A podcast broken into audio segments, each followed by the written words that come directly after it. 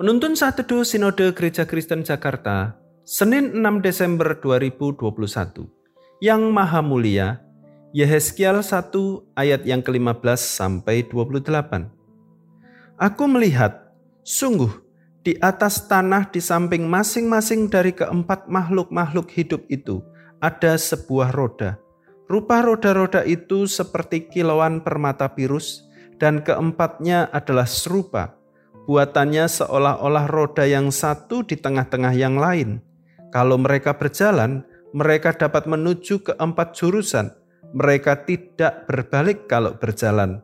Mereka mempunyai lingkar, dan aku melihat bahwa sekeliling lingkar yang empat itu penuh dengan mata.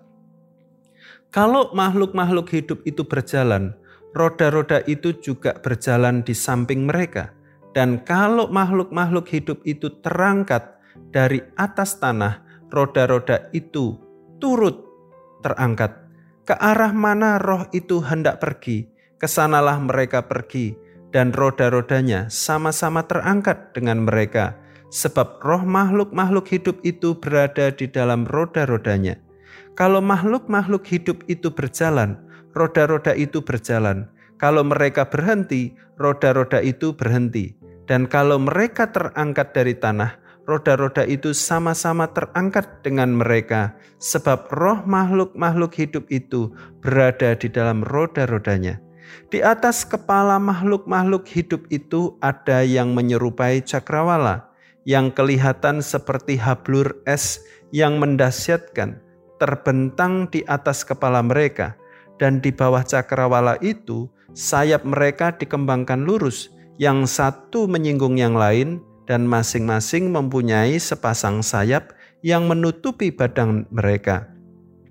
Kalau mereka berjalan, aku mendengar suara sayapnya seperti suara air terjun yang menderu, seperti suara yang maha kuasa, seperti keributan laskar yang besar. Kalau mereka berhenti, sayapnya dibiarkan terkulai maka kedengaranlah suara dari atas cakrawala yang ada di atas kepala mereka. Kalau mereka berhenti, sayapnya dibiarkan terkulai. Di atas cakrawala yang ada di atas kepala mereka ada menyerupai tahta yang kelihatannya seperti permata lazurit dan di atas yang menyerupai tahta itu ada yang kelihatan seperti rupa manusia dari yang menyerupai pinggangnya sampai ke atas, aku lihat seperti suasa mengkilat dan seperti api yang ditudungi sekelilingnya. Dan dari yang menyerupai pinggangnya sampai ke bawah, aku lihat seperti api yang dikelilingi sinar.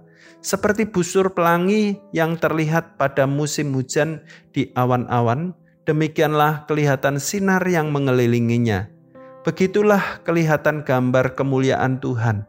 Tatkala aku melihatnya, aku sembah sujud, lalu ku dengar suara Dia yang berfirman.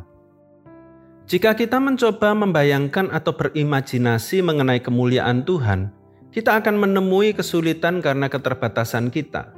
Pengarang atau penyair terbaik sekalipun tak akan dapat mengungkapkannya dengan kata-kata.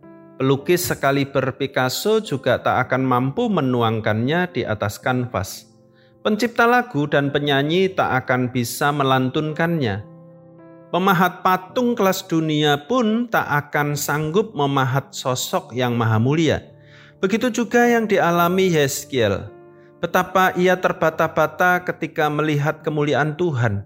Kemuliaan Tuhan terlalu dahsyat untuk dapat diuraikan. Tidak heran ketika kita membaca upaya Yehezkiel menggambarkannya, semakin banyak kata digunakan justru semakin bingung kita membayangkannya. Coba bayangkan ayat 15 sampai 28a. Misalnya, sangat sulit bukan? Karena itu hanya satu hal yang Yehezkiel perbuat tatkala diperhadapkan pada kemuliaan Tuhan yang begitu dahsyat sujud menyembah dalam kerendahan hati ayat 28 yang maha mulia yang jauh melampaui pikiran manusia tak bisa digambarkan oleh apa pun di muka bumi ini.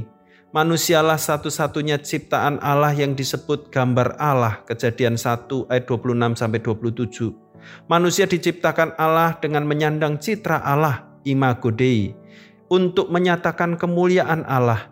Nah, apakah hidup kita, perkataan, pikiran, dan perbuatan kita sudah memuliakan Tuhan? Oleh Yesus Kristus, Sang manusia sejati, kita dikuduskan agar layak memuliakan Allah. Muliakanlah Allah dengan seluruh aspek kehidupan kita, karena hanya Dia yang patut disembah. Tuhan Yesus memberkati.